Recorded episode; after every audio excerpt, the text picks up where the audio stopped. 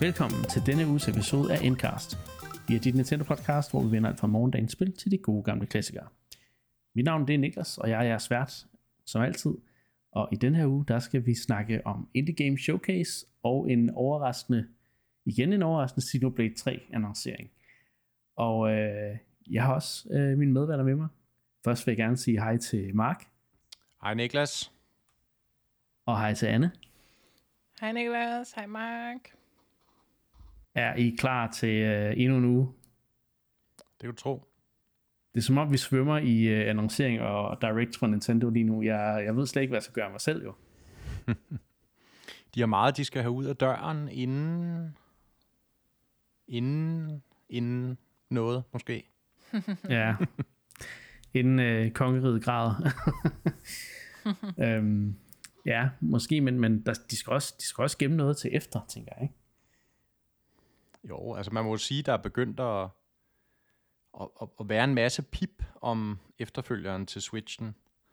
Ja. Og ja, det er jo meget løse spekulationer, ikke? Men det bliver yeah. interessant at se, hvornår, altså, om, om, om de øh, de bliver til noget, ikke? Fordi at det, det er jo, altså, det, det er jo en spændende tid, vi kan møde, men, men hvad, tror du, der er noget i det, eller holder du ved, ved, ved det, øh, det, vi har snakket om tidligere for, da vi, da vi lavede predictions.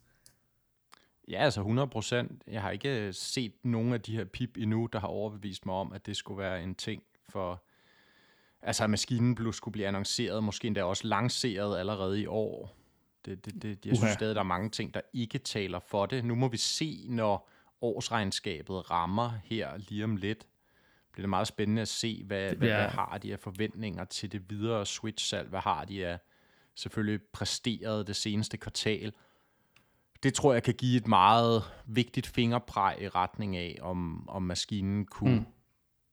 blive annonceret, eller måske endda også lanceret i år.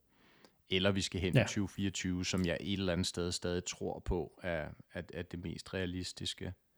Altså det er jo ikke, ja. det er jo ikke, altså det som jeg hører mange sige, er jo det her med, jamen vi kender ikke andet fra Nintendo ud over juni måned, vel? Altså, når, når, når Pikmin 3 er lanceret. Og jamen, det er jo ikke så meget anderledes fra, hvordan det har været foregående år, hvor at, at, at vi også har set, at de har fokuseret nærmest halve år gangen. Og det er jo der, hvor at der stadig er masser af plads til en juni Direct, eller måske endda helt til september Direct efter Pikmin, før de så ligesom mm.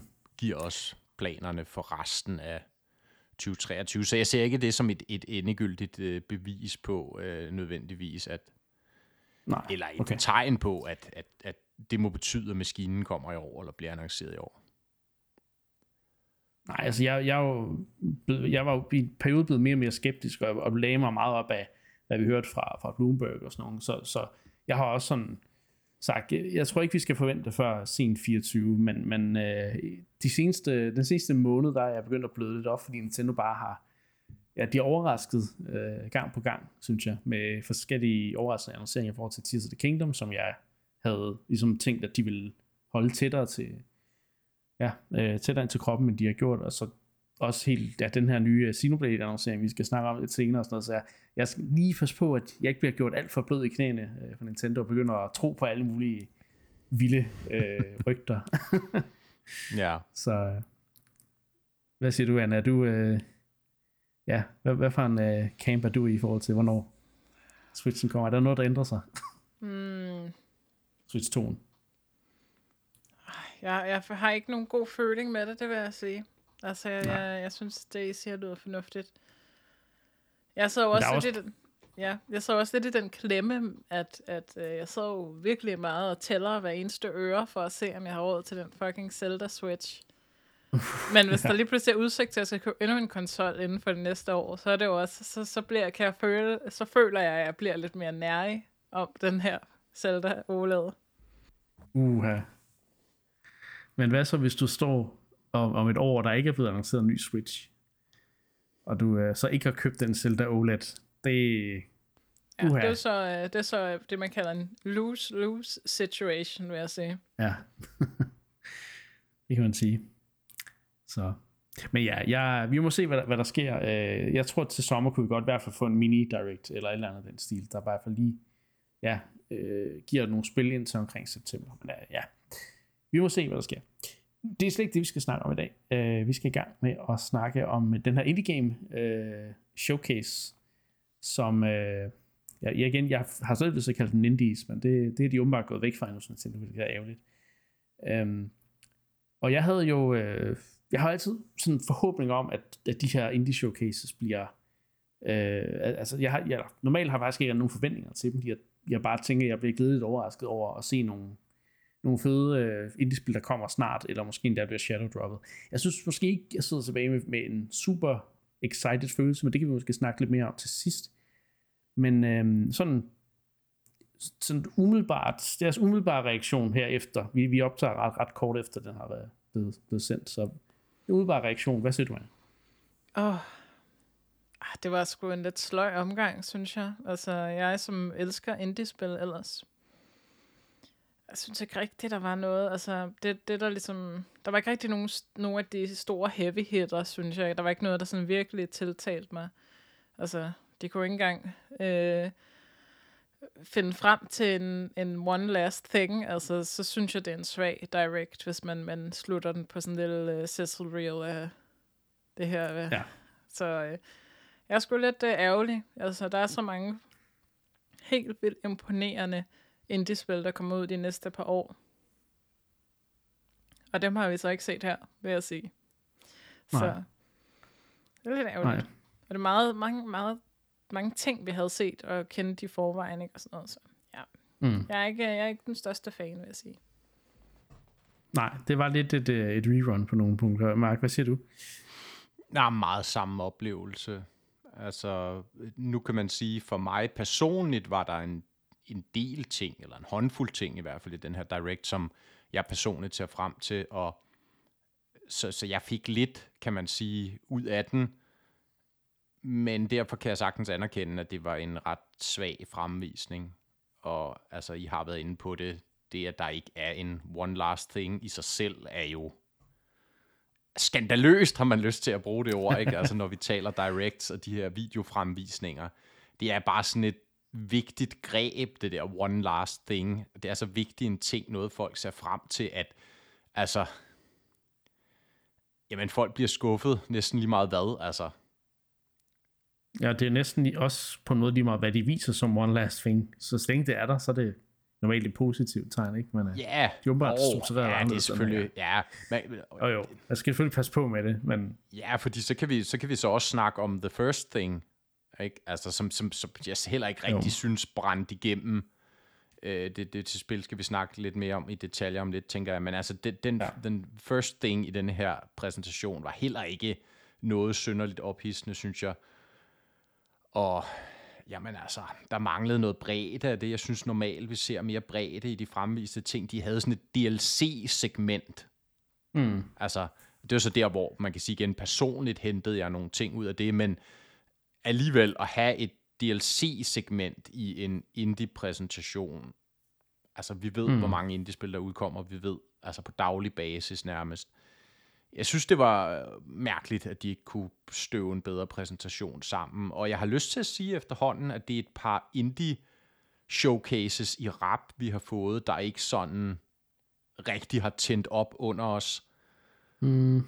Jeg, jeg kan faktisk, nu kan jeg slet ikke huske, hvordan vi reagerede til den, til den seneste. Det, det, er så, det er bare en mavefornemmelse, jeg har. Det kan være, jeg husker ja, okay. helt galt, men, men det er en mavefornemmelse. Ikke? Og det er måske også lidt, altså det er måske lidt symptomatisk, fordi Altså når du tænker på det, der er gået af 2023 indtil videre, er det jo heller ikke fordi, vi har haft den ene indie heavy hitter efter den anden udkommen ja. på Switch, hvor at vi jo her i programmet har snakket om de, de seneste par år, at der har været et, et konstant, massivt og, og meget, meget kompetent indie-output, der nærmest har holdt Switchen i gang i de perioder, hvor at, at Nintendo måske har haft svært ved at holde kadencen. Der har været mange forårene, især i Rendrea, hvor at vi ligesom har, har nævnt det her at indiesne har holdt, holdt gang i det. Og der er altså, når jeg tænker tilbage her de seneste par måneder, har det jo faktisk været lidt omvendt for 2023 ja, indtil videre, synes jeg, at det har været meget Nintendos egne, de store spil, der har domineret, og i mindre grad indie-spillene. Ja.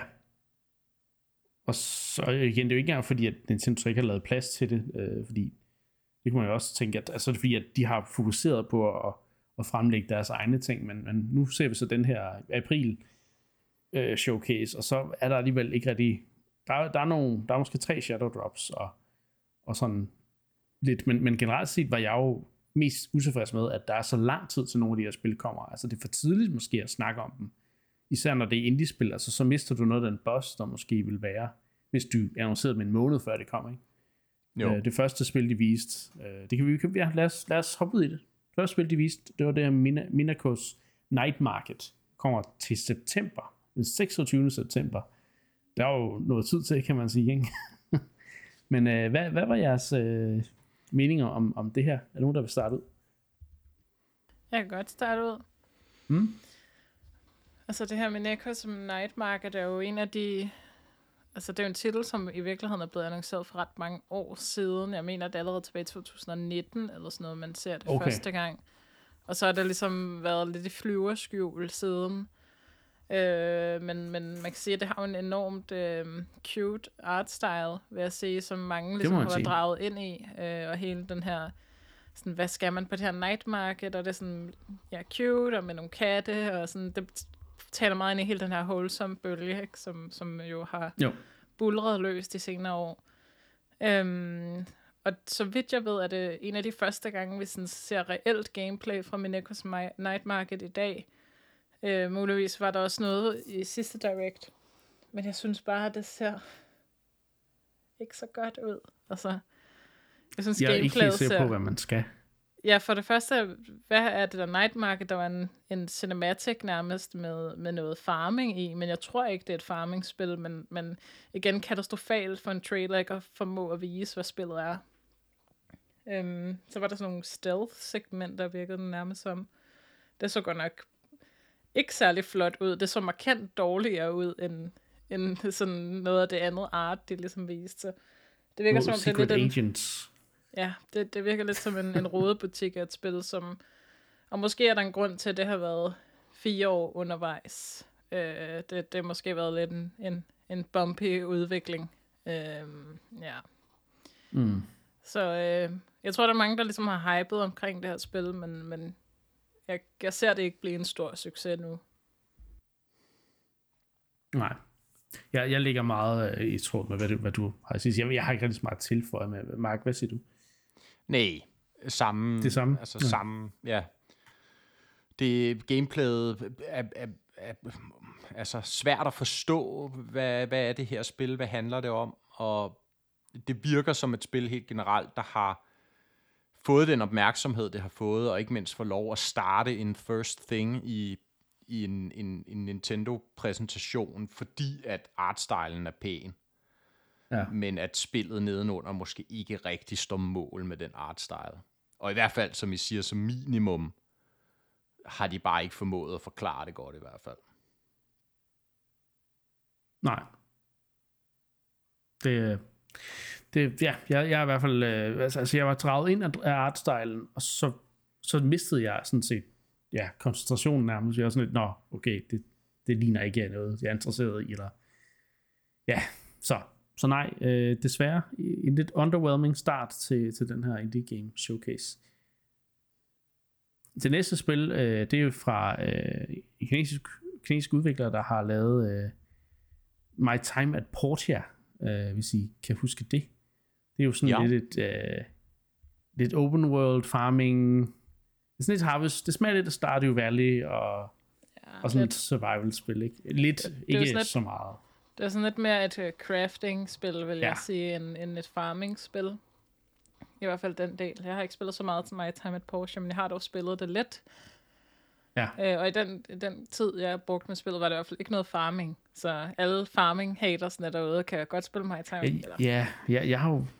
ja, nå, ja, det, er rigtigt. Der, der er ikke så meget farming, der er mere det, du hugger. Du hugger vist mere sten. Ja, du, du hugger nogle sten, og så har du en hel masse maskiner ude i din have, som kan oh, ja, som, øh, processere øh, råmaterialer, du samler ind. Ja, fordi og jeg har nemlig spillet etteren også. Øh, eller etteren. Det supporter jeg også, men ja. ja. Øhm, Ja, jeg synes, altså det, det, det er sådan lidt øh, en, en, sådan en, en perle, som nogen virkelig godt kan lide, og som nogen har brugt mange hundrede timer i, men jeg synes, det blev lidt for simpelt, og karaktererne i byen, som det har jo, ja. det smager jo lidt mere, som du siger, sådan noget Harvest Moon, Stardew Valley, ikke, med at du kan blive gift og sådan noget, men jeg synes simpelthen, at karaktererne var så endimensionelle, altså det, det var nærmest ikke, altså det var alle sammen bare sådan robotter, følte jeg, da jeg spillede det. Øh, så den del fanger mig heller ikke super meget. Men jeg, Nej, ved, jeg, så... jeg føler også, at det var et spil, der sådan, altså, man, man på, på ud, altså når man kiggede på det, tænkte okay, det ser altså godt ud, cool art style, mm. øh, virkelig sådan et fedt koncept, og så når man sådan kommer lidt ind i det, så, så mister det ret hurtigt sådan sin, ja, sin knister, skal jeg sige. Ja, loopet var bare ikke tilfredsstillende, synes jeg. Altså, det havde ikke den der sådan, åh, oh, jeg skal lige en til dag på farmen. Det, det fik jeg ikke i hvert fald. Mm. Dog vil jeg så sige, at jeg synes, at My Time at Sandrock ser ud til at være en markant forbedring fra etteren. Altså både 3D-grafikken ser ud til at have fået en, en ordentlig nyk op i kvalitet. Um, og så tror jeg også, at de kan måske kan løbe, forhåbentlig har de fået penge til at hyre nogle bedre writers til at skrive nogle karakterer, der i mindste har en personlighed. Um, så, så jeg har sådan på fornemmelsen, at, at, at My Time at Sandrock nok er en, en gedigen overhaling til konceptet, som jeg synes, sådan, altså, i bund og grund ikke rigtig synes, der var noget galt med. Jeg synes bare, at det, det var der ikke helt.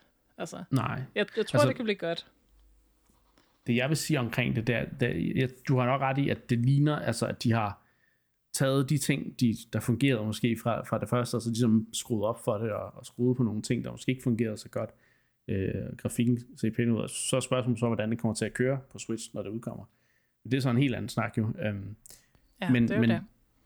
Det, det, det står lidt i skyggen af det der med, at jeg virkelig gerne ville kunne lide etteren, men aldrig rigtig kunne komme til at kunne lide den, så jeg, jeg er sådan lidt uha, mm. at, at det spil, jeg tør, og, og, og ja, det, det er jo et spil, hvor jeg lige skal læse nogle anmeldelser og, og, og se det i aktion, mm. før jeg sådan, ja, bestemmer for, at, at det er noget, jeg vil have. Men det var nok et af de spil, jeg var mest interesseret i overhovedet i den her ja. øh, hvad hedder det, showcase. Og det er jo igen måske ikke øh, et positivt tegn. ja. nu ser vi på det. Så er det jo også multiplayer, ikke? faktisk. Øh, jeg kan ikke huske, om etteren var multiplayer, men jeg er ret sikker på, at toeren er... Ja, øh, 99 okay. er sikker på, at toeren er multiplayer. Så, det så det kan jo også give noget. Altså, alting bliver jo sjovere, når man, når man spiller sammen med andre. Helt sikkert. Mark, kan du have My Time at Sandrock? Nej, det skal jeg ikke. Jeg kiggede godt på etteren, My Time at Porsche. Og ja, det er ikke min genre, og jeg kan ikke se, at det her skulle gøre noget, der, der, der rigtig for, for mig overbevist. Jeg vil sige det sådan, der er spil på markedet, der gør meget af det samme, som gør det bedre. Øh, og, og spørgsmålet er, om toeren her, eller efter det er jo ikke en decideret tur, men, men Sandrock her kan, kan sådan komme ud af det, øh, og ligesom komme op på siden af de spil, der gør det godt. Ikke? Øh, det, er jo, det er jo det store, den store udfordring, tror jeg, for det spil. Men alligevel så er der også ret sikker på, at der er mange, der er interesseret i det her, det her spil. Jeg tror, at etteren, hvis der klarer sig meget godt. Øh, så, så ja. Må vi se. Næste spil på listen, det hedder Plate Up, og det øh, smager lidt uh, overcooked, synes jeg. Uh, men alligevel virker det som om, det, det er sin egen ting. Øh, men det er sådan et, et, et spil, hvor du skal lave mad og servere, og der er multiplayer og, og det hele. Jeg, jeg tror, jeg havde en Steam-demo installeret for nogle måneder siden, men fik den aldrig spillet, så jeg, desværre har jeg ikke øh, set, hvad, hvad det her spil gør, som, som stiller det anderledes fra, hvad hedder det, um, jo, det, jo nu, nu kan jeg huske det, det er, det er et roguelike madlavnings- og serveringsspil, hvor du vist også kan automatisere nogle, øh, altså når, når man lave nogle management ting, der bliver automatiseret, sådan, så det er mindre banebaseret, tror jeg, end, øh, altså det, det minder ikke på samme måde om Overcooked på den måde. Så, så det er ligesom der, det, det skiller sig ud fra Overcooked. Er det, øh, altså jeg, jeg kunne godt finde på at invitere nogle, øh, nogle folk på besøg og, og lave mad i Plate Up, men øh, det kommer først til oktober, så jeg ved ikke lige, øh, om jeg glemmer det udkommer. Hvad, hvad siger I til det? Ja. Altså, jeg synes, det ser meget hyggeligt ud, men det ved jeg, jeg synes, det ser sådan lidt cheap ud også. Jeg synes ikke helt grafikstilen rammer mig. Altså, der synes jeg godt nok, at Overcooked har øh, markant mere oh, charmerende yes. øh, grafik. Ikke at, at man skal bedømme øh, spillet udelukkende på grafikken, men, jeg ved ikke, jeg synes bare, det, ser sådan, det, det bliver sådan lidt ærgerligt, det ser sådan et, øh, ikke sådan helt øh, professionelt ud. Øh, Nej, okay. Jeg ved ikke, altså jeg glæder mig til at se, om de ligesom kan realisere den her roguelike, det her roguelike aspekt af spillet. Øh, det er i hvert fald en progression form, der tiltaler mig meget. Øh, vi har jo set øh, roguelikes blandet med de mest øh, skøre genre de senere år. Så øh, det er jo meget sjovt at følge med i den her trend i hvert fald med, hvad mm. bliver det næste roguelike-koncept. Ja. øhm, ja, nu må vi se. Jeg, jeg håber selvfølgelig, at, øh, at øh, det, kan, det kan overbevise mig på et senere tidspunkt. Jeg er ikke sådan helt afvisende. Okay. Skal du have, have kokkehuen på, øh, Mark, i Plate Up? Nej, altså, jeg var ikke stor i forvejen på Overcooked, og det her, det, det, ligner, det ligner lidt, altså hvis jeg skal være grov, et cheap knock-off, ikke? en billig kopi af, af Overcooked, ja. og så kan det godt være, at de har noget roguelike kørende på toppen, som Anne er inde på. Det er en, blevet en meget almindelig ting at se roguelike blandet med, med nærmest alle andre genrer, og nogle gange fungerer det rigtig godt, og andre gange fungerer det ikke specielt godt, og ja, jeg har ikke nogen stor tiltro til, at det her skulle være en eller anden magisk kombination, som ingen havde set komme. Nej, nej, det, det, det er heller ikke fordi, at øh, jeg synes, det, det ser så tiltagende ud, men øh, må vi se. Det, igen, jeg tror, det kan være, være hyldemorsomt i, i multiplayer, og det er også det, Overcooked kan. Altså, jeg vil aldrig spille Overcooked for mig selv, altså det synes jeg vil være kedeligt, ikke? Men, øh, ja. Vi må se. Øh, om det, om det, kan, om det kan noget, når det kommer. Det næste spil, øh, det er et øh, kattebrætspil, der hedder Calico, og øh, der skulle, jeg tror, brætspillet allerede fungerer, eller eksisterer, men nu her til efteråret, der kommer det så i en Switch-version. Og øh, hyggelig, hyggelig grafik var mit øh, første indtryk, men, men jeg er jo ikke så meget til brætspil på, på, på Switch, eller på konsoller i det hele taget. Øh, dem, dem, dem vil jeg helst bare opleve, ja, in real life, når man skal sige, ikke? Ja, jeg har det på samme måde. Øh, spillet Calico? Nej, jeg har ikke spillet brætspillet. Nej. Men det skulle vist være okay, men ja, jeg synes også, der, der er et eller andet, der bare aldrig rigtig har ramt mig med de der brætspilkonverteringer, som du siger. Altså, meget hyggen omkring brætspil er jo netop det der med at sidde med andre ansigt til ansigt og hygge om spillet og det her, jamen, en, en digital version af det her, ja, I don't know, det, det, igen, det rammer mig ikke rigtigt, det må jeg bare sige.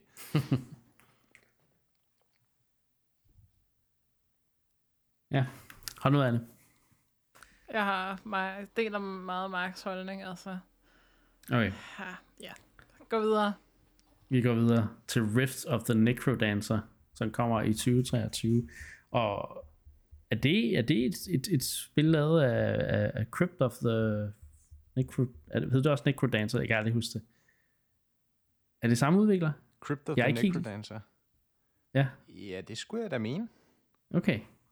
Det er dem, der Super. hedder Brace Yourself, ikke? Ja, jo, jo. Det, det virkede i hvert fald meget bekendt, da jeg så øh, spillet, og jeg har også set øh, nogle YouTubere snakke om det her Rift of the Necrodancer. Et nyt rytmespil, som også har sådan lidt lane-baseret kamp, det er sådan, de præsenterer det i hvert fald. Øh, det ser meget, øh, altså et, et godt kulturspil er jo ikke noget, man skal kæmpe sig af, så, så jeg ved ikke, øh, og jeg, jeg, vi er jo også fans af, af Cadence of Hyrule for eksempel, ikke? og også øh, uh, Crypt of the Necrodancer, så, så altså det, det, kunne, det, det, det virker lovende det her spil. Jeg ved ikke, om det er mig, altså om jeg, om jeg gider at købe det, men, men jeg, jeg, det fik mig i hvert fald sådan til at sidde lidt op i stolen og tænke, okay, nu, nu sker der noget. Ikke? jo, og, det der jo også var interessant ved det, var, at det, var, det lignede jo ikke bare en sikker toer. Altså Nej. gameplayet så helt anderledes ud. Det lignede jo Guitar Hero. Ja. Og ikke så meget det her top-down roguelike bevæger på felter rytmespil, som originalen var, og som Cadence of Hyrule, det her Zelda spin-off, også var. Og det synes jeg jo er cool, og jeg kan godt lide, når man mixer tingene op så meget til en to, og ikke bare laver den, den sikre toer, især i sådan et der koncept, hvor man kan sige, de udtømte det på en eller anden måde allerede ret godt med det første spil, og der er også kommet rigtig mange DLC'er til det første spil. Så jeg tror, det er det rigtige at gøre her, at prøve at, at tage serien over i en anden genre af rytmespil, eller hvad vi skal kalde det, ikke? Uh, Guitar Hero-genren, mm. som jo altså bestemt ikke... Uh, det buner ikke med spil i den genre, vel så... Nej, det gør det sgu ikke. Så, men uh, flot... Uh, ja, altså en, en, en artstyle, man... Altså, det er jo, ikke, det er jo, no, det er jo en artstyle, man har set før, føler jeg ikke, men, men altså, den, den var da farverig og, og i øjenfældende. Hvad, hvad siger du, Anne? Kunne du være interesseret? Ved, ved første øjekast synes jeg, det så sådan lidt generisk ud. Altså, jeg synes, der findes en del af sådan de der Guitar Hero-agtige øh, rytmespil. Øhm, men det kan godt være, at jeg sådan, måske lidt for hurtigt øh, bare øh, tænkte, at det, er det er jeg ikke interesseret i. Det kan godt være, mm. at jeg lige skal kigge igen på traileren og se, om jeg, jeg har misset noget. Men jeg synes virkelig bare, at det ligner sådan en meget generisk... Øh, eller det, jeg synes bare, at det, det der Guitar Hero gameplay, det, det har jeg bare set. Så, så de skal virkelig gøre noget spændende nyt med det, for at, uh, at jeg vil have lyst til at spille det. Um, ja. Og så, I don't know, jeg kan, jeg kan egentlig meget godt lide din pointe om, at, at de ikke bare laver den sikre toer. Jeg ved bare ikke, om det er den her retning, jeg, jeg synes, at spillet skulle tage personligt. Men ja, det kan være, at jeg lige skal se traileren igen, for at se, om der er noget, jeg missede, fordi at, øh, jeg har fået varmet mig lidt op på konceptet. ja, okay. Spillede ja, du det Cadence of uh, Hyrule, Anne? Ja, ja, ja, ja, det gør ja. jeg Ja. Altså, jeg har spillet Crypt of the Necrodancer, så det er jo ikke fordi, at uh, jeg, jeg er jo stor fan af, af deres andre spil. Mm. Uh, men jeg synes, at uanset hvad, så skal man gøre noget ekstraordinært med det der Guitar Hero gameplay. Ja. Ja, det bliver interessant at se. Ja, ja. Men som sagt, så er der også allerede nogle, nogle YouTubere, der vist fik prøvet det til uh, en demo af det, eller sådan noget til PAX, så, så der er noget, hvis man vil høre mere om det, så tror jeg godt, man kan finde, finde nogle, uh, nogen, der rent faktisk har prøvet det. Så. Men ja, det, der er ikke nogen dato på det, det kommer bare i 2023 på et eller andet tidspunkt, når vi mindst venter det. um, nu skal vi lige se en lille DLC-runde, uh, og jeg tager dem her i, uh, i kronologisk rækkefølge. Uh, katte, det var ikke et kattespil, men A Little to the Left som jo var det sidste år, det blev shadow droppet til, til Switch, hvor der er en, ja. en irriterende kat, der nogle gange rykker på nogle ting, mens man laver puzzles. Det får ja. en uh, øh, DLC, der hedder Covered and Drawers. Så flere puzzles til det her puzzlespil, der allerede har en masse puzzles. Ja. Altså jeg spillede jo A Little to the Left, ja. øh, da det udkom. Øhm, jeg var sådan, jeg var sådan lidt lunken. Altså, jeg synes, det var ret sjovt. Øh, bare det der med at lægge ting på plads og sådan noget. Jeg kunne egentlig bedst lide, når det var sådan lidt mere sådan freeform, og der ikke var så mange regler med, nu skulle du regne en eller anden logik ud, og det her er en puzzle nu. Jeg kunne egentlig meget godt bare lide at lægge ting, sortere ting i skuffer. Det, det var en meget sådan nice grundfølelse. Uh, men jeg kunne så se her på det gameplay, de viste fra uh, Cupboards and Drawers DLC'en, at det så ud til, at det var mere den type content, som jeg godt kunne lide, og mindre den type content, som jeg ikke så godt kunne lide. Så det, det kan jo være, at der var andre uh, spillere af A Little to the Left, som har, er kommet med samme feedback som mig. Ja. det godt, uh, Men det kan jeg anbefale, hvis... Uh, ja, jeg kan anbefale, hvis man sidder derude og virkelig bare har lyst til noget sådan send sorteringsarbejde og ikke synes, det er interessant at rydde op i sin rigtige skuffer, så, øh, så synes jeg, at Little to the Left er meget hyggeligt. Altså, det er på min wishlist, og jeg, jeg regner med at købe det, hvis det kommer på tilbud øh, på et tidspunkt. Så. Øh, men jeg er ikke øh, sådan umiddelbart så, så interesseret, men, men jeg, jeg, jeg kunne egentlig godt lide at se, at der kommer mere til. Jeg tror også, det har været, øh, altså ud fra min, udgang, fra min omgangskreds, synes jeg faktisk, folk har sagt, at det, det er rigtig hyggeligt. og jeg har også set, øh, set uh, Teddy, der nogle gange streamer på, på Inclub, han har også spillet det på stream, og jeg synes egentlig, altså, det var cool nok at se ham spille det, men jeg er sådan lidt, okay, jeg er ikke sikker på, at jeg selv behøver at gå ud og købe det lige nu, fordi det er ikke et must play øh, lige her nu, men, men ud fra det, du også siger, så, så, så, så beholder det sin plads på, på wishlisten, nu når der også kommer ekstra content. Um, det næste spil, uh, det er nok noget for, for Mark, Shovel Knight Pocket Dungeon Posters Pack DLC. Så der kommer DLC til Shovel Knight Pocket Dungeon. Helt sikkert. Det var en af de ting, der ramte plet for mig, og hvis man husker, da jeg talte om spillet her i programmet. Jeg tror, jeg nævnte det et par gange. Ja, det har du. Jeg er meget begejstret for Puzzle Dungeon. Jeg synes virkelig, det er et glimrende, en glimrende fusion, apropos af det her med roguelikes og, og andre genrer, ikke? Roguelike og puzzle i det her tilfælde. Match 3, hvis man kan kalde det det. Ja. Roguelike. Jeg synes, det er et fremragende spil, og jeg har egentlig faktisk længe gået og ventet på, fordi de havde, altså, de havde jo meldt ud ved launchen af Puzzle Dungeon, at der skulle komme en, en, en, en række DLC'er. Okay. Øh, ja. og, og jeg har egentlig gået og ventet noget tid på at tænke, hvor, hvor bliver de af? Er de måske sådan ligesom i smug blevet aflyst, ikke? Altså, det ser man jo også nogle gange, men måske fordi spillet ikke klarede sig så godt som forventet, men nu er der altså noget på vej, og øh, det så spændende ud, synes jeg, og jeg glæder mig til det, fordi jeg har vidderligt udtømt, hvad grundspillet har at byde på, så ja, det bliver godt med noget Puzzle Dungeon DLC. Ja. Jeg fik faktisk ikke noteret, hvornår de her DLC'er udkommer, men det kan være, at du har styr på det, Mark, hvor den her DLC kommer. Åh, oh, nej, jeg kan ikke huske Nej, okay. det. Fint nok. Det kan jeg ikke. Det næste spil, det er Cult of the Lamb Relics of the Old Faith Update. Så det er en gratis opdatering til, til Cult of the Lamb. Øh, og øh, tilfældigvis, Anne, så har du faktisk øh, lige siddet og spillet øh, Cult of the Lamb her øh, er den forgangne uge, eller?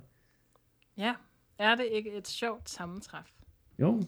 Øhm, fordi at det er jo faktisk fra efteråret, og jeg havde hele tiden planlagt, at jeg skulle spille Cul- Cult of the Lamb. Ja.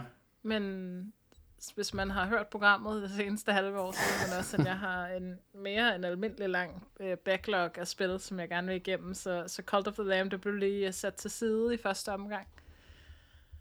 Indtil at øh, der var en sød Facebook-bruger inde på vores øh, venskabsgruppe Nintendo Talk, der linkede, at nu kan man altså købe Cult of the Lamb, en eller anden deluxe edition, der øh, fysisk kopi, der kom til Switch.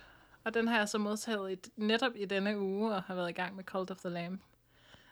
Og det må okay. jeg bare sige, altså, øh, Cult of the Lamb er jo igen en roguelike, øh, og det er den, øh, det, det minder på en eller anden måde meget i sådan, hey, som Hades i opbygningen, eller sådan noget som Binding of Isaac. Men det, der ligesom er det unikke for Cult of the Lamb, er, at du spiller det her lamp, der har en kult af følgere, øh, som du så, hver gang du har været i en dungeon, så kommer du så ud til din kult, som har en lille, øh, en lille, ja, sådan en lille koloni, nærmest sådan en colony sim agtig øh, gameplay, hvor du skal manage alle dine små, rigtig, rigtig cute dyrefølgere, du rekrutterer, når du er ude og, og kæmpe mod monstre. Um, så det er sådan en rigtig hyggelig blanding af, at øh, man har en lille by. Der er også nogen, der vil kalde det sådan et Animal Crossing-agtigt. Du har de her sm- små søde dyr, der bor og lever i din, i din kult. Ja. Um, du bygger bygninger, og så kan de komme og give dig nogle små quests med, at ah, de vil virkelig gerne prøve at komme ud på eventyr selv, og så kan du sende dem ud på eventyr, og ah, det er bare et enormt hyggeligt lille spil, det vil jeg sige. Altså, jeg har haft øh, enormt meget glæde af det allerede. Men hyggeligt, øh. men, men, men der bliver offret ting også, ikke? Jo, jo, det er jo den her sådan et uh, satirisk blanding mellem de her enormt cute dyr, ikke? Du spiller jo selv sådan et rigtig sødt lam med nogle meget store runde øjne, og alle dine følgere er sådan nogle rigtig søde små dyr. Jeg har en hest, der hedder Par, som virkelig bare er min yndlings øh, kultist, som jeg har rekrutteret. Og det er rigtigt nok, så er der noget med, at man lige kan ofre dem, og det sådan bliver meget sådan ja, sådan nærmest bibelsk kultistagtigt, ikke? med omvendte kors og offringsceremonier øh, og så videre, og øh, hjernevaskning af de her stakkels små søde dyr, men det er bare en så enormt sød indpakning, at det på en eller anden måde bliver sådan helt trivielt, at øh, det i virkeligheden er, er voldsomme ting. Um, ja, så det, det synes jeg virkelig, det er virkelig en, en instant hit for mig.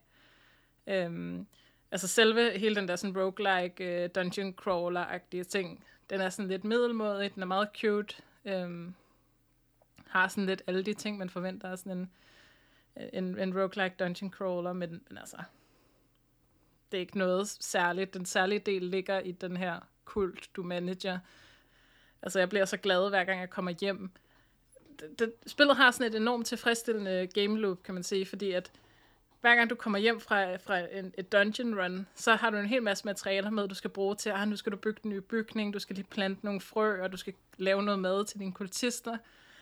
Og så når du er helt færdig med det, så, ah, så mangler du lige to stykker træ til, for at du kunne bygge den her bygning. Så så må du tage på dungeon run igen, og så har du sådan den her evige cyklus af, at du skal hjem og passe dine kultister, men du skal ud og farme materialer til, at du kan udvide din koloni. Og så det er sådan virkelig et afhængighedsskabende game loop, vil jeg sige, fordi man har aldrig lyst til at lægge spil for dig. Ja, Jamen, det er det virkelig. Jamen, det, jeg synes virkelig, det er en, en perle, altså, og fortjener fuld den succes, der har fået, vil jeg sige. Så hvis man ikke har spillet det, også jeg to, altså, ja. det er virkelig et, et instant hit for mig. Og de der dyr, de er bare så, så fucking cute, altså, det er helt vildt. Det er virkelig, virkelig fedt. De, de sødeste kultister på markedet. ja.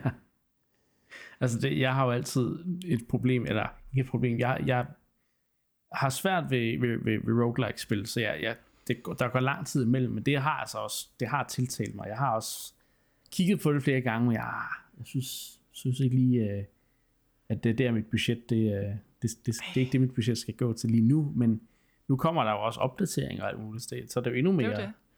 man kan gå efter, men, men altså, det virker som et virkelig gedigent spil. Hvordan kører det så på Switch? Øhm, det kører sådan set udmærket, synes jeg. jeg har ikke, altså, nogle gange... Jeg hørte nemlig, der var problemer i starten. Loading-tiderne føles lidt lange, og jeg tror også, de nok er lidt længere, end de er på for eksempel PC. Ja, okay. Øhm, men ellers, altså, det kører ganske fint for min standard, hvilket måske ikke er den højeste, men altså, det tror jeg, at de fleste kan sidde derude og ikke genkende det til. Så øhm, ej, det, det har bare alle de ting, jeg godt kan lide ved spil. Altså virkelig fed progression, masser af ting at unlock, øh, randomness-delen af hele de her dungeon runs, man går igennem, og settingen er cool, og grafikken er cool, altså de der dyr, de er bare altså adorable, øh, det er helt vildt. Øhm, ja, det, det er virkelig, jeg kan mærke, at jeg bliver sådan attached til de her dyr. Altså, det er sådan næsten Animal Crossing-niveau. Øhm, Aldrig. Og, og for eksempel, der er den her feature med, at du kan sende dem ud på mission selv, og så kan de komme tilbage med nogle materialer til dig. Men så er der jo så en chance for, at de ikke kommer hjem, eller at de kommer hjem, men er blevet slået ihjel. Øhm, så jeg har nogle specifikke dyr i min koloni, hvor at jeg er altså ikke klar til, at de skal ud og, og forsøge sig ude i verden, fordi de må ikke komme hjem døde, det vil jeg sige. jeg kan ikke holde tanken ud af min, min hjort eller min hest, de ikke kommer hjem. Det, det, og det synes jeg er unikt. Altså det synes jeg er få spil, der skaber den der følelse af, at at man har et følelsesmæssigt forhold til NPC'er. Øh, og det, det er lige mig. Jeg elsker sådan noget. Jeg ved ikke, om det er alle kulte, hvor øh, der er særbehandling, men det er jo, det er der vel. Det, det, det er i hvert fald den kult. det er der i min kult. Ja. Nej, det er, det er fantastisk vel. Det, det, altså det, det rammer bare plet på alle de store trends inden for spiludvikling lige nu. Altså, det, det vil jeg sige. Øhm, Sådan. Så det synes jeg virkelig, man skal tjekke ud. Det jeg har også kun fået det anbefalet af, af folk, jeg har snakket om det, så, så ja, ja, det, det må jeg jo få købt på et tidspunkt, men ja, det er, det er ikke fordi, jeg har en stor backlog, men der, jeg har, der er bare andre spil, der, der er mere, der, der, der, der skinner mere for mig. Jamen, jeg synes også bare, altså writing er virkelig god, altså der er nogle virkelig, virkelig sjove quests allerede, jeg har, har, har, har oplevet, ikke? Sådan, og, og der er et meget sjovt system med, at, at dine kultister, sådan, de bor og lever på den her lille kultplads, teltplads, du har. Men så når de har spist, så skal de jo også... Øh, så skal de også på toilettet bagefter. I starten har du ikke et toilet, så oh, går de ud ja. sådan i kanten, og så der, kommer der sådan små poops ud af dem, så man så skal, skal sørge for, at der er rent, fordi ellers bliver de syge, og så hvis de bliver syge, så ja, det går ikke, så kan de ikke arbejde og sådan noget. Øh, og så på et tidspunkt, så har jeg lige fået rekrutteret sådan en, ja, jeg ved ikke engang, hvad for en dyr det var. Sådan en lille øh, enjørning hest -agtig. Og så sådan kommer han hen til mig og siger sådan, øhm, jeg har den her request, og jeg ved, jeg skammer mig lidt over det, og du må altså ikke sige det til nogen andre. Men jeg kunne virkelig godt tænke mig, at du lavede et måltid med de her poops, du samler op. Jeg ved godt, det er meget mærkeligt, men vil du ikke gøre det? Og så kan man så sige ja eller nej til den her hest, der kommer hen. Øh, og så sagde jeg så ja, fordi jeg er en god kultleder. Jeg hjælper mine kultister med at få deres, øh, hvad hedder det, deres ønsker opfyldt. Og så lavede jeg så den her poop øh, dish til ham, så han blev meget glad. Og det synes jeg altså... Og døde dagen efter. Nej, han blev ikke syg. Wow. Øhm, ja, hvilket er mærkeligt, kan man sige. Men, men ja. det er altså bare super fedt. Øh, virkelig sjovt, satirisk, virkelig god grafik, og så bare rammer plet på alle sådan, de store trends inden for spiludviklingen lige nu, som jeg godt kan lide. Kæmpe anbefaling. Og nu kommer der gratis content, fordi det har været så stor en succes. Ja, jamen øh, fedt. Og det vil så sige, indtil videre har øh, det, der har fået jer to mest op og, og hype, det har været øh, DLC til spil, der allerede er ude i den her Indie Direct. ja, som jo egentlig var lidt det, jeg, jeg startede med ja, at klynke over, at, øh, at, at når man har et DLC-segment i en Direct, så, så er man altså på skideren. Ja. Men, øh, og det mener jeg nu egentlig stadig, min pointe var jo netop det her med, at man har ikke så meget nyt at fremvise. Nej. Og i stedet så, så viser man DLC. Color the Lamp er jo en okay stor ting. Altså, det, det synes godt, man kan vise DLC. Selvfølgelig kan man det. Det har man jo også gjort tidligere. Mm. Øh, puzzle, altså Shovel Knight Puzzle Dungeon er måske sådan mere i, i, i miniput-skalaen, ikke? Men ja. Hvis det er det, man har at vise. så er det det, man har ja. at vise. Mm. Og jeg synes bestemt, det så godt ud. Også uh, Cult of the Lamb. Det er også på min radar. Fedt. Ja, det synes jeg virkelig, du skal... Hvis man bare er det mindst interesseret, synes jeg virkelig, det er stærkt. Ja, jeg altså... har set det en del på stream, så jeg har mm. også lidt... Jeg føler også lidt, at jeg allerede har fået oplevelsen, så jeg kan godt mm. ikke genkende til mange af de ting, du, du siger, Anne. I øvrigt er, er der jo en ret sjov integration. Jeg ved ikke, om den er i Switch-versionen, men der er en ret sjov integration, hvis man streamer spillet. Altså, så kan ens, øh, hvad hedder det, medlemmer i chatten, de kan ligesom blive til en af de her kultister. Ja. og ja, det giver jo en sjov interaktion mellem streameren og, og dem, der ser med, at man på en eller anden måde bliver til en af de her søde dyr, kultistdyr i spillet. Nå. Ja. Yes, den anbefaling er, er modtaget. Øh, hermed modtaget, Anna. Men nu skal vi videre i Indie Directen. Øh, det næste spil, det er faktisk et spil, jeg synes, der så interessant ud, men ikke specielt nyskabende. Øh, Animal Well hedder det. Kommer til vinter 2023. Og igen et spil, jeg har set lidt fra øh, på nettet. Igen, fordi jeg tror, der, det har været playable til PAX. Um, øhm, men øh, det er sådan, det, det, det er sådan en, en god pix, pixel, øh, ja, pixeleret øh, side-scroller, øh, som lidt, lidt Metroidvania-agtigt, og så alligevel ikke, og har sådan lidt en, en mørk øh, stemning, og du render rundt som et eller andet cute dyr, der, der, der skal undgå at blive kastet af, at blive grebet af en hund og blive kastet. Altså, det virkede som om, der var en masse forskellige ting. Jeg har ikke helt forstået, jeg har ikke helt forstået, hvad spillet går ud på, men jeg kan bare sige, det tiltaler mig. Øh, at man er rundt i den her verden og skal finde nogle ting og åbne nogle kister og ja, ja. jeg ved ikke, hvad jeg skal sige, men, men, men ja, Animal World, jeg, jeg, jeg er interesseret.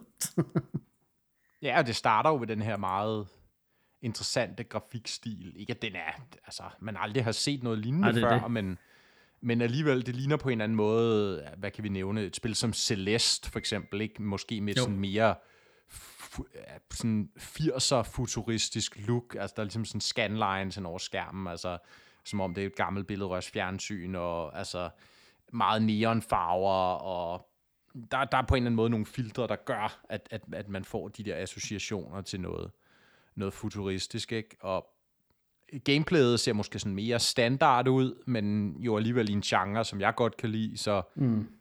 jeg vil bestemt ikke udelukke, hvis det her spil viser sig at være godt, at så, øh, så, så skal jeg spille det. det. Det havde noget mystik, som fanger mig. Ja. Det, det kunne jeg godt lide ved det. Ja, stem, stemningen, den, den, den er sådan, jeg er interesseret. ja, det var det, jeg vil sige. Hvad er dig, Anne? Er det, kan det være noget for dig? Altså, det er jo langt fra min stil af spil, men jeg sætter pris på grafikken, synes jeg var, var, var cool nok, ah. og flotte effekter og flot lys og sådan noget. Mm.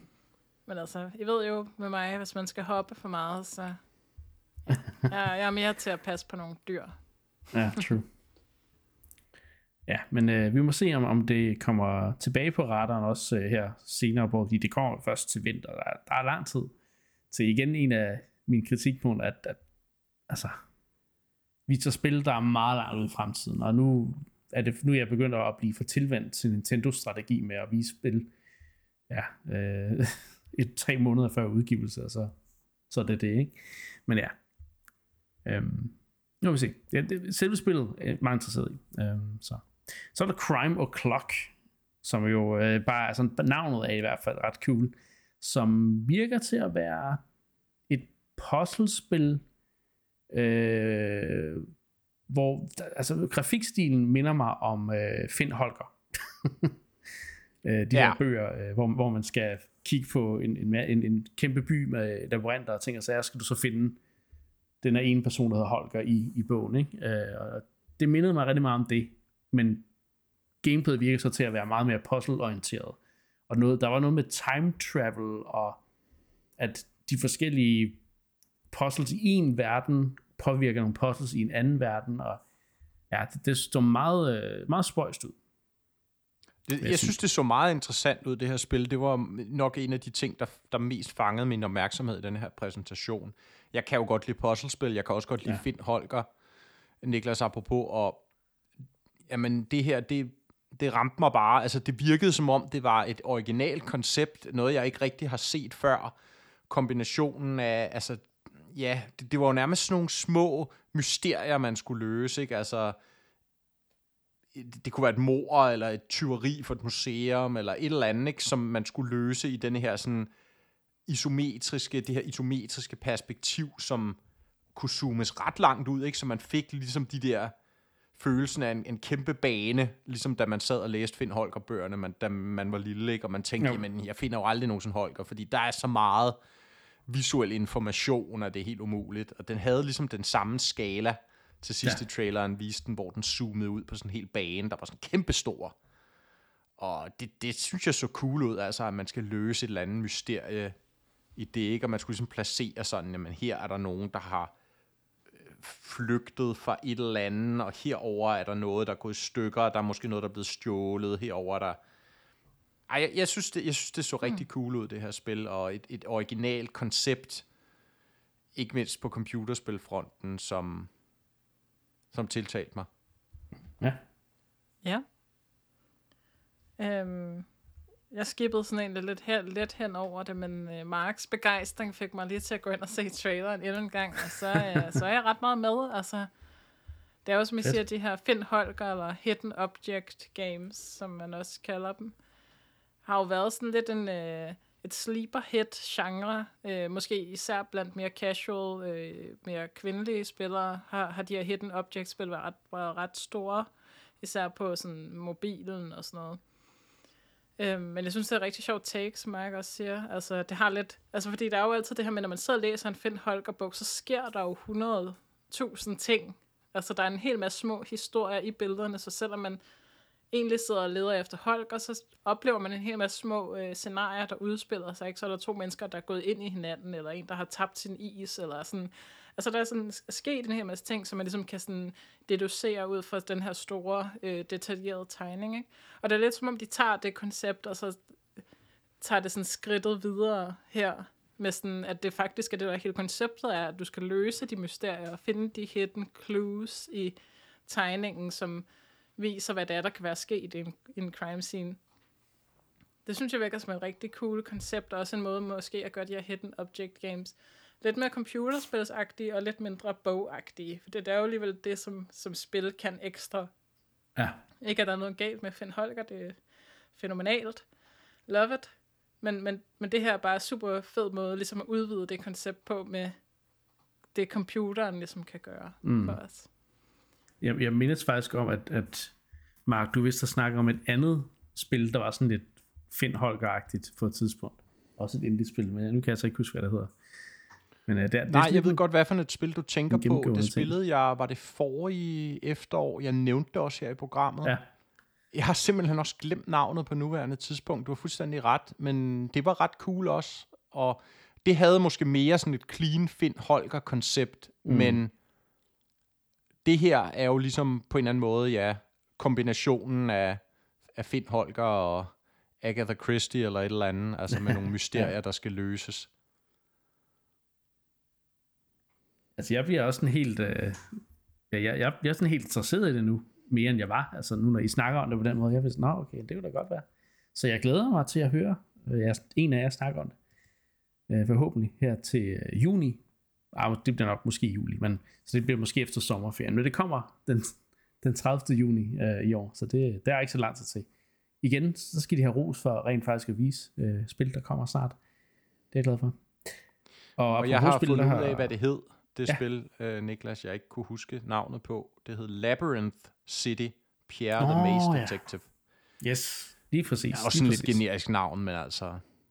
Cool spil, hvis man bliver interesseret i at hvad hedder det, Crime O'Clock, og ikke kan vente på det, ja, jamen så, øh, så prøv lige at kigge til Labyrinth City. Ja. Det var et ganske fornuftigt spil. Og apropos spil, der kommer snart, eller måske allerede er ude, så har vi første Shadow Drop. Øhm, det er en skandinavisk udvikler, der har lavet, øh, jeg fik ikke helt fat i, hvad for et land de var fra, men øh, de har lavet øh, et spil, der hedder Tesla Grad, som vist var, har været ude på de andre platforme i noget tid. Øhm, og nu yeah. har de så annonceret en tor, der så bliver Shadow Drop Tesla Grad 2, og samtidig at øh, det her øh, test, det første Tesla Grad har fået en remastered udgave, hvor de har op, altså oppet øh, grafikken, ikke? Øhm, og, og det virker som om, at de her Tesla Grad-spil er noget Metroidvania, sat i en øh, ja, nordisk mytologisk verden, og, og har egentlig, altså jeg har hørt om navnet, men jeg har aldrig rigtig sådan, det har, det har ikke rigtig været noget, jeg har tjekket ud, men jeg synes alligevel, alligevel der, der var et eller andet, der, der bevægede sig i mig, da jeg så det, og tænkte, okay, det kunne måske godt være noget, jeg skulle, noget, jeg skulle tjekke ud. Øhm, hvad, hvad, hvad siger du, Mark? Det lyder som om, du havde øh, noget på hjertet. Nå nej, jeg har det lidt på samme måde som dig. Altså det er en af de her Metroidvanias, som jeg aldrig rigtig har fået tjekket ud, fordi det fik en lidt blandet modtagelse, dengang ja. det udkom på, på konkurrerende platforme. Så, og der er jo mange gode Metroidvanias på markedet, så, ja. så nogle af de der sådan mid-range versioner, eller hvad vi skal kalde dem, dem, dem har jeg simpelthen ikke fået tid til at spille. Men jeg synes, toeren så rigtig godt ud. Altså, etteren er jeg stadig ikke rigtig interesseret i, men toeren så, øh, så, så bedre ud, umiddelbart ud for den trailer, de viste. Så måske, nogen må se. Man kunne købe dem separat, eller som en, en pakke, så vidt jeg kan forstå. Øh, og Anne, jeg går ikke ud fra, at det er noget, der, der er til til dig, og der er det i den genre. Nej, som jeg vil sige hver eneste gang, vi snakker Metroidvania, så kan jeg jo ikke spille noget, før jeg har spillet enten Hollow Knight eller Metroid. Nej, så, det er true. Så det, det begrænser min interesse en del. Det spil på listen, det er også et Shadow Drop.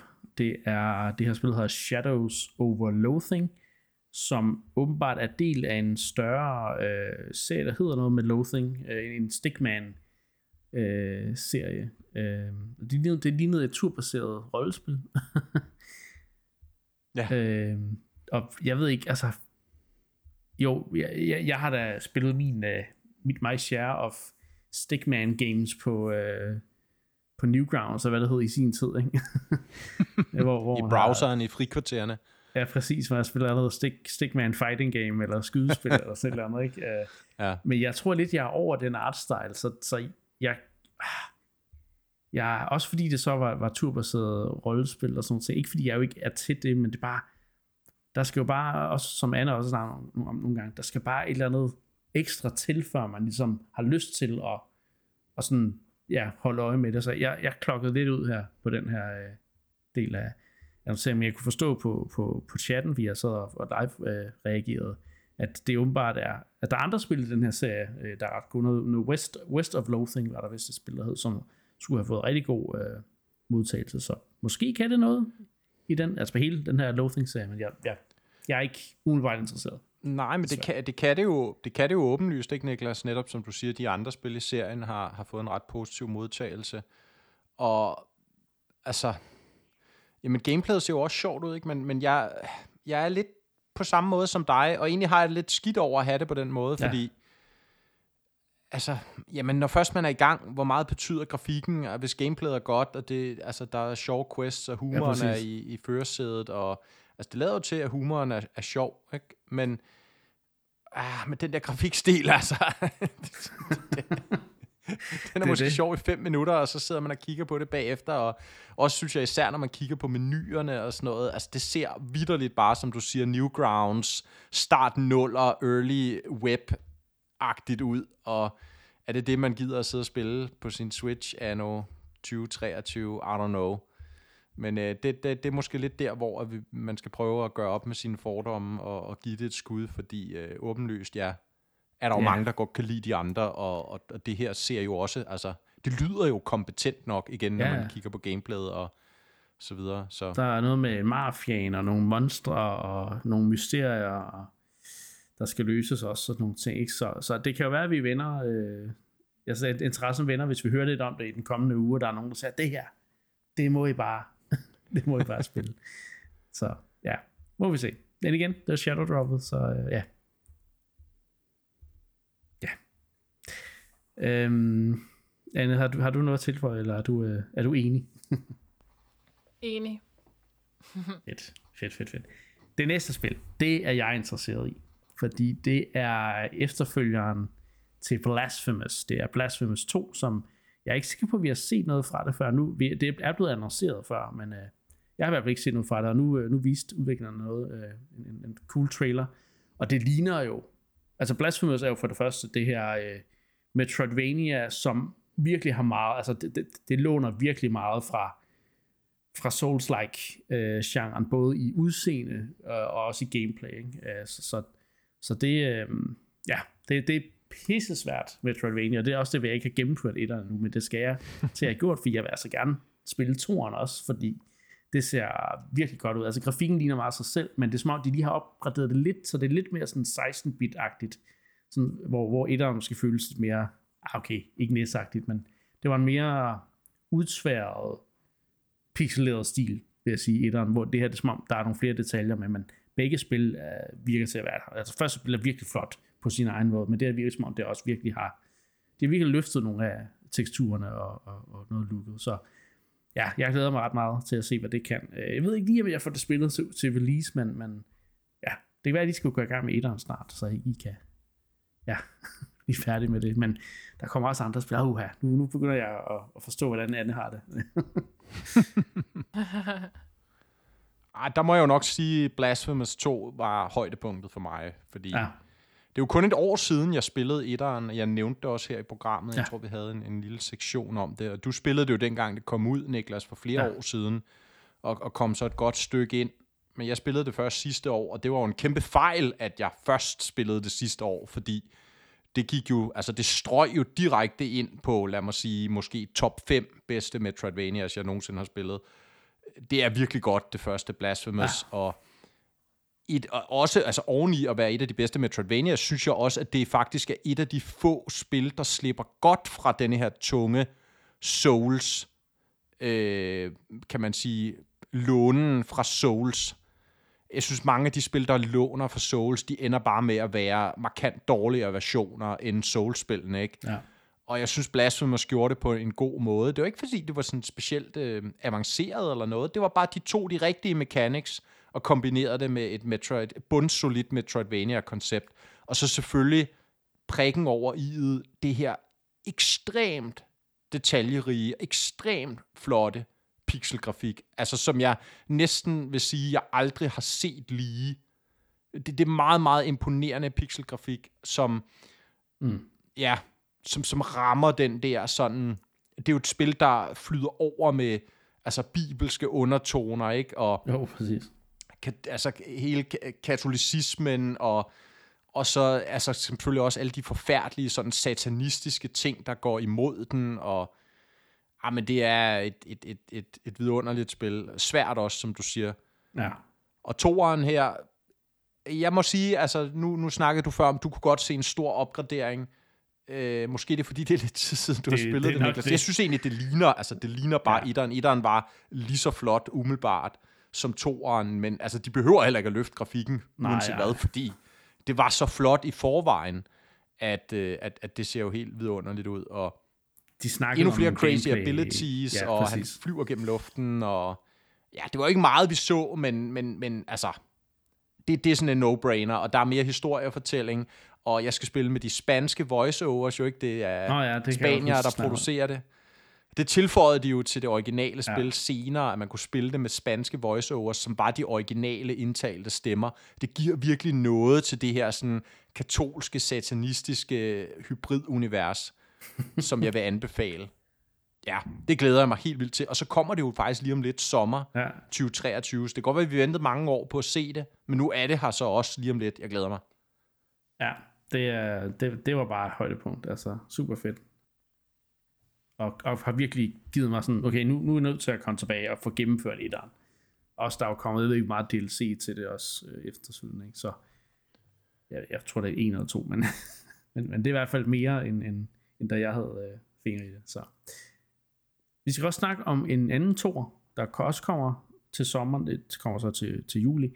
Det er Oxenfree 2 Lost Signals, som jo, øh, ja, var det sidste år, det blev annonceret, eller, eller er der et længere tid tilbage, det kan jeg ikke huske, men det har i hvert fald været undervejs i noget tid. Ja, Og Ja. øh, jeg ved, at du, Mark, har talt rigtig, rigtig flot om etteren. Jeg ved ikke, om du har gjort det her i programmet, eller om det bare er sådan privat. Nej, jeg men tror kan- faktisk, det, Ja. ja. det er så mange år siden det første spil udkom, at, at der lavede vi slet ikke endcast, så Nej, det, det faktisk... jeg kan ikke huske, hvor meget jeg har talt om det i programmet. Jeg skal nok spare jer den store forklaring i dag, men, men, men altså, det, det var en stor oplevelse. Altså, jeg husker det første Oxenfree som rigtig godt, og som et af de her tidlige eksempler på, at man kunne gøre historiefortællingen meget interaktiv. Mm.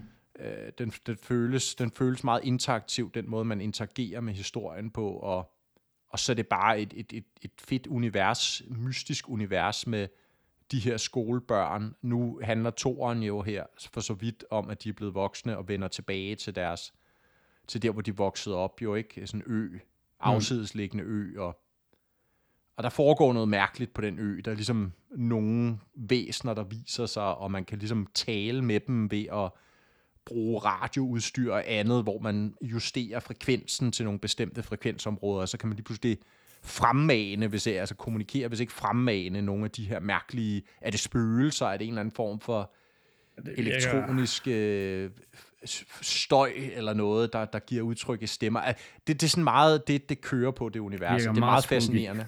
ja, meget spooky.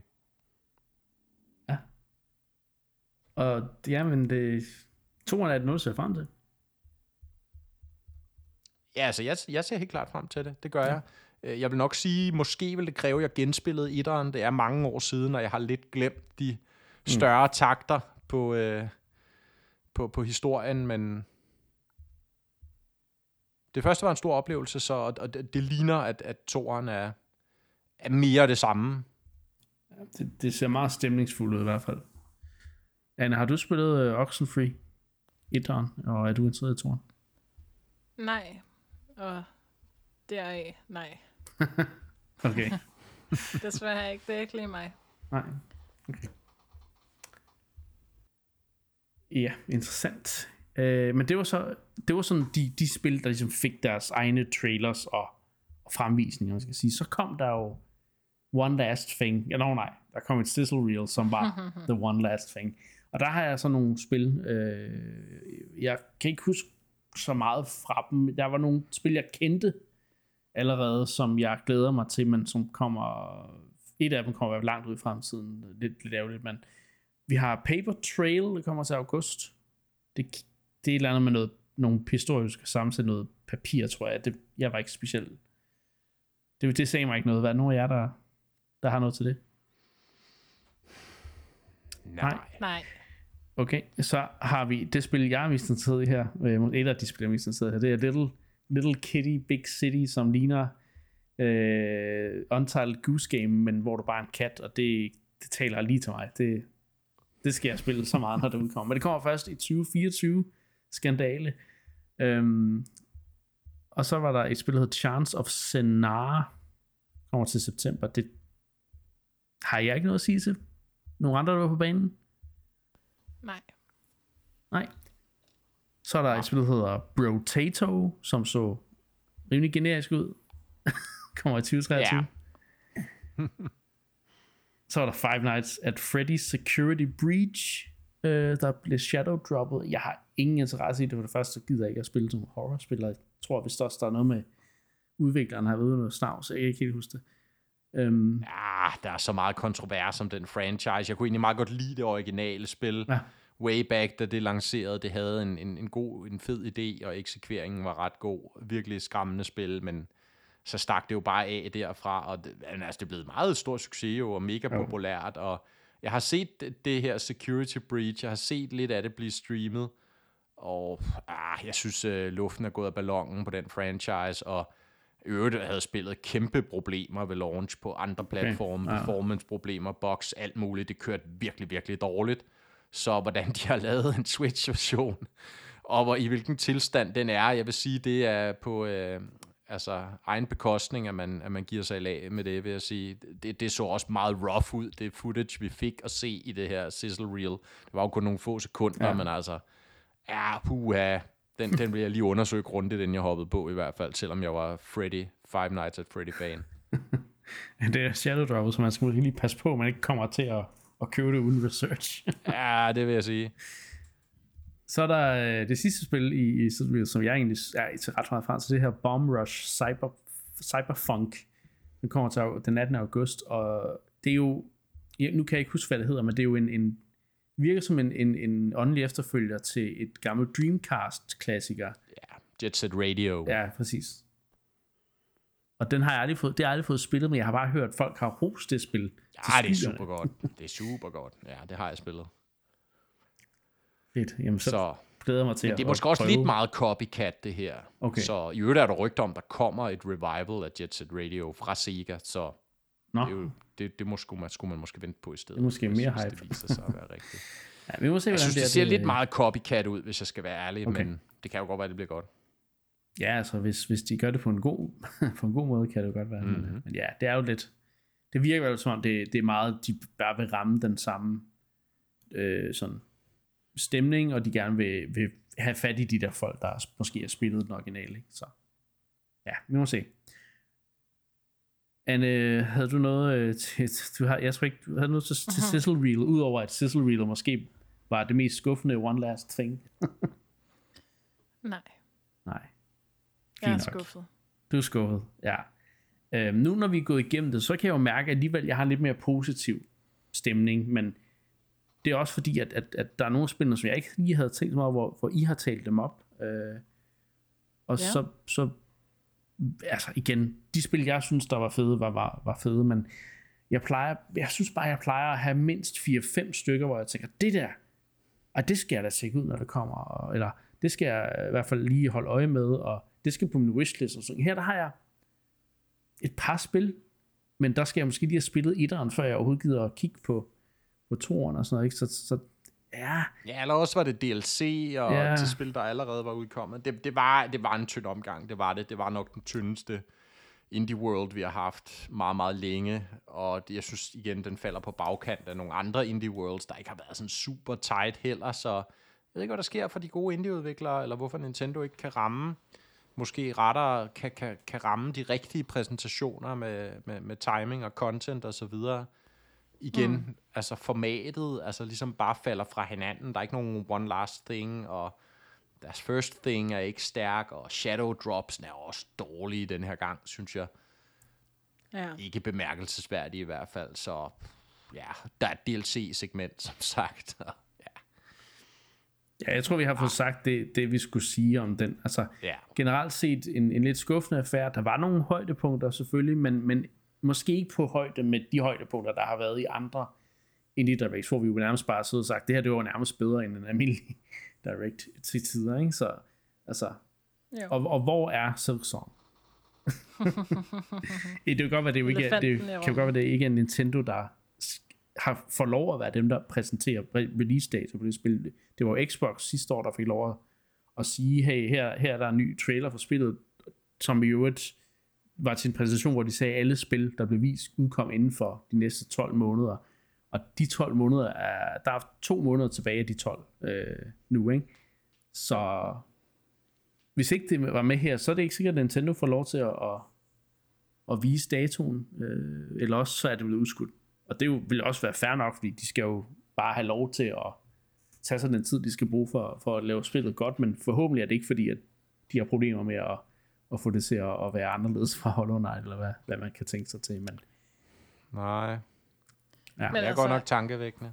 Men, men er, det, er vi ikke der, hvor at, at Hollow Knight det er for stort til, til en indie direct nu? Altså, Måske. er det ikke noget, der, der hører til en, en stor opslået direct, eller en, øh, ja, en anden præsentationsformat fra nogle af konkurrenterne? Altså, De havde det jo jeg med tror, det her... i deres E3.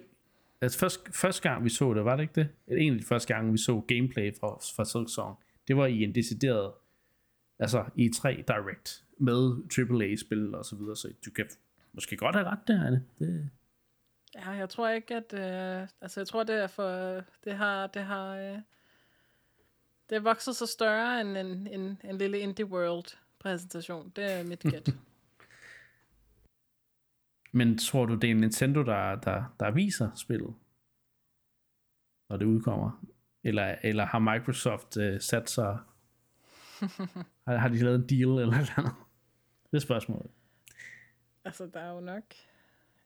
Det er svært at sige. Det kan da godt være, at de har lavet en deal med Microsoft, hvis det også var dem, der viste noget fra det sidste år. Men altså, jeg vil antage, at øh, Switchen har været et stort marked for øh, har Hollow det. Knight, og nok også større end Xboxens marked, så en, en stort øh, en stor sommer direct, hvis vi får sådan en, det er jo ikke sikkert, det er jo det er der jo nogen, der tror, vi ikke gør, men hvis vi fik sådan en, øh, kunne det være en oplagt ting, og det kunne også være en one øh, more thing til en rigtig direct, og det vil folk blive ellevilde over. Det ville de. Mig selv inkluderet. Men ja, interessant nok. Nå, men i dag, hvor vi optager, øh, skal, vi, skal vi huske at sige, øh, der var der også en anden annoncering, som jeg jo fra morgenstunden af blev, blev op og køre over. Og der- det er jo, øh, at Xenoblade Chronicles 3 Future Redeemed, som den her story DLC hedder, den er blevet øh, annonceret, og eller ikke annonceret, den, datoen er annonceret. Øh, vi vidste godt, den kom. Og det er i næste uge, den, tror jeg, den 25. april. Og jeg jo, altså, jeg har jo spillet, nu har jeg jo spillet alt Xenoblade, øh, der har været ude, ikke? Så, så jeg er jo helt op at køre, og, og glæder mig til at spille den her story DLC. Men jeg kan ikke rigtig sige så meget om den, fordi I mangler jo at spille træerne i hvert fald. Øh, også toren, men, men ja, så men jeg vil i hvert fald lige dele og sige, at jeg synes, det var mega hype. Jeg havde glemt, øh, hvor hype det er, når øh, noget fra Sinoplay bliver annonceret. Det er som om, at de har bare deres helt egen stemning og måde at gøre det på med, med musik og, og med noget øh, musik med sang og altså de er gået helt amok øh, i den der trailer for den her DLC, og der er, hvis man har spillet alle spillene, er der noget for enhver, der er sådan kan, hvor, hvor alle kan bare kan sidde og miste besindelsen over, hvor hype det er. Øhm. så, så ja, øh, det er det, det er rigtig, det, det er virkelig, virkelig øh, øh, exciting det her, og jeg, jeg glæder mig til at snakke om den i næste, i næste episode. Det er, lidt, altså, er det lidt hurtigt? Er det bare mig, eller er det lidt hurtigt, den kommer, den DLC? Den, den, Altså, skulle, den skulle vist ikke være kommet før senere på året, oprindeligt, tror jeg det er også lidt besynderligt, altså timingen på det her, og altså man kan sige, det er jo positivt, der, det kommer tidligere, men måske det er det også negativt i den forstand, at katte, altså, der er også noget med titlen på den her DLC, der refererer titlen på DLC'en til, til Xenoblade Remaket, det første, og det virker måske lidt som om, at scopet på den her DLC måske er, er, er mindre, end hvad man kunne have håbet på. Altså det er ikke Torna The Golden Country, den her kæmpe DLC-pakke, der kom til Xenoblade 2 det er ikke det scope, vi taler om her. Det er måske mere scopet på, på, på det DLC, de også lavede til, øh, til, til Xenoblade Chronicles Definitive Edition. Det, det er sådan mit takeaway. Jeg ved ikke, om det har noget at gøre med salgstallene eller hvad. Der er jo ikke, altså, har, har blæst nogen bagover på træerne. Det ligger stadig efter toeren i salg, så kunne man forestille sig, at det er blevet downscopet lidt, den DLC? Mm, det, det, det, det, det er sgu svært at sige. Altså, det... Jeg, jeg tror slet ikke, jeg gjorde mig nogen forestillinger om, Altså om den vil... Jo, jeg, jo, jeg havde jo nok... Jeg har, jeg har nok en forventning om, at den bliver på Torna Golden Countries niveau.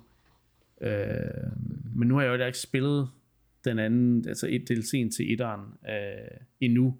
Det mangler jeg også at få gjort. Øh, som, men den var jo en del kortere end, end, end, end Torna, så... Hmm.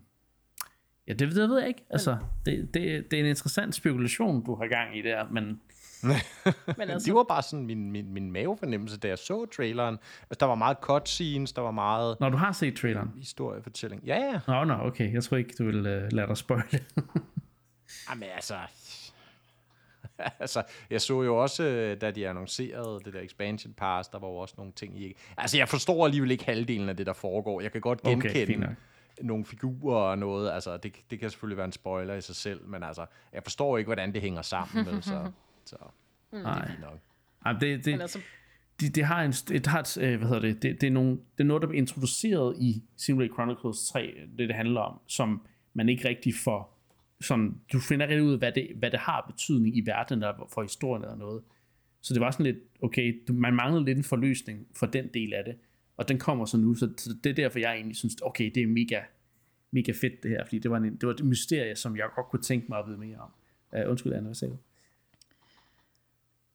Ja, øh, nu er vi gået lidt forbi det, men, men som, som modsvar til Marks argument om, det måske er blevet downscopet decideret, øh, der synes jeg også, vi skal tænke på, at spillet jo blev fremrykket, fordi det jo nok har været færdigt en del før, at det udkom, så må ikke de har altså for længst har øh, pakket sammen og færdiggjort hele DLC-passet og så videre.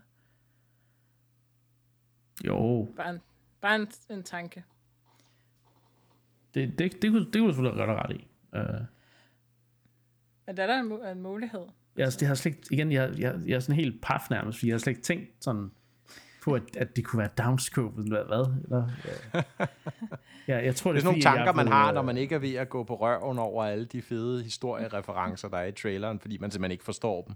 Ja, men jeg, jeg altså, jeg, jeg ja. så jo også Daniel fra Nintendo Talk, som vi har haft uh, inde og snakke om, om Xenoblade Chronicles 3, han var jo også helt amok over, øh, ja.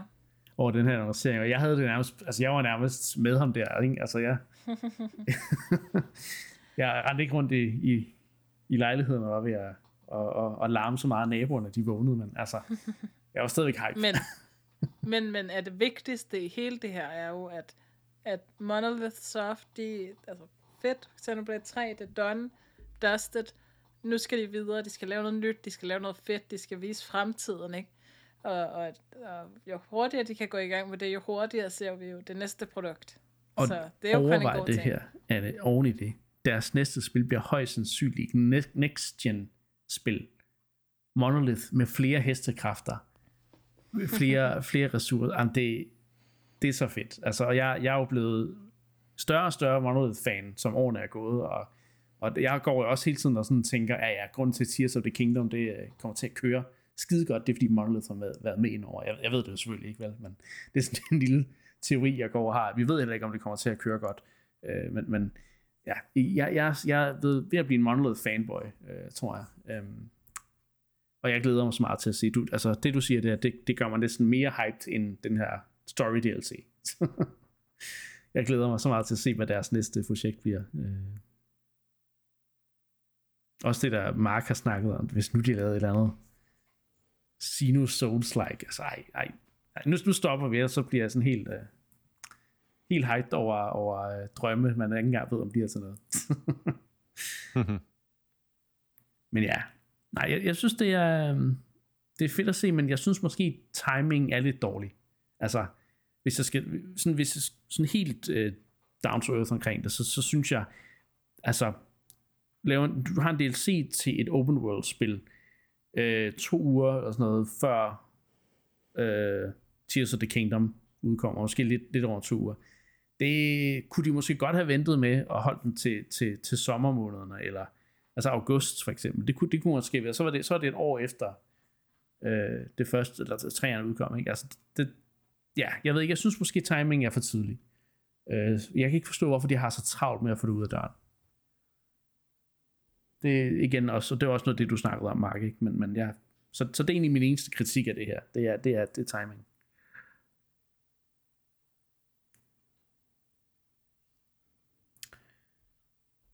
Men øh, ja, derudover, så glæder jeg mig som sagt til at snakke øh, om, om, øh, om det sådan helt over, over det, kan, det kan være, at jeg kan finde ud af, om, om, jeg, om, om scopet er større eller, eller, eller lavere, end man lige havde troet, allerede ved at, lige at måske spille nogle timer øh, i næste uge. Jeg ved ikke, hvor meget jeg kan nå, inden vi skal optage, men øh, ja, jeg glæder mig.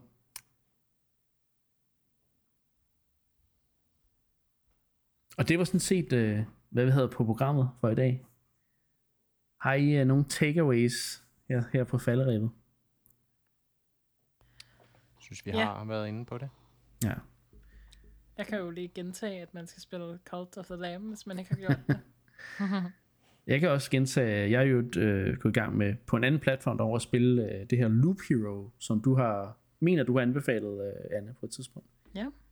Det, øh, og, og, og nu har jeg ikke spillet nok til, at jeg egentlig føler mig sikker, at jeg snakker så meget om det, men jeg kan sige, at det er en positiv overraskelse. Det er jo nogle genrer, jeg normalt ikke er så glad for. Auto battles og noget roguelike og lidt uh, deckbuilding og sådan nogle ting. Og det er jo normalt nogen, hvor jeg bare siger, okay, det, jeg holder mig langt væk.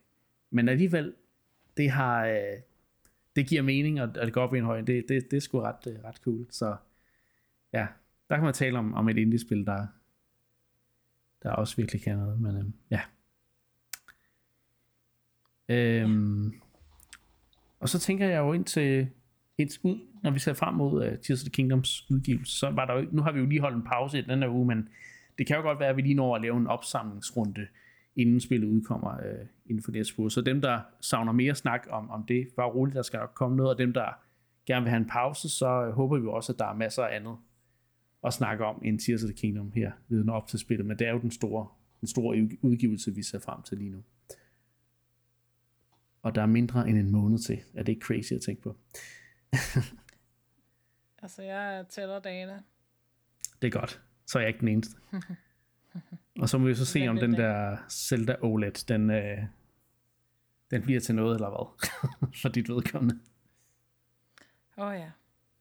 ja. Cool. Men øh, for lige at opsummere, så det vi har snakket om, det er selvfølgelig alle spillene, der blev vist i øh, aprils udgave af Indie Game Showcase, og ja, nu sagde jeg det som om, at der er en, en månedlig Indie Game Showcase, det er der selvfølgelig ikke, men ja, det er jo den første Indie Game Showcase, som jeg husker det, i, den her, øh, i det her år. Så. Og så har vi så snakket lidt om Xenoblade Chronicles 3 Future Redeemed, en ny, øh, hvad hedder det, den nye story DLC, der nu har fået dato og kommer meget snart. Så øhm, tak til mine medværter for at være med, og så har jeg gerne at sige en tak fordi I lyttede med, og så lyttes vi ved næste gang.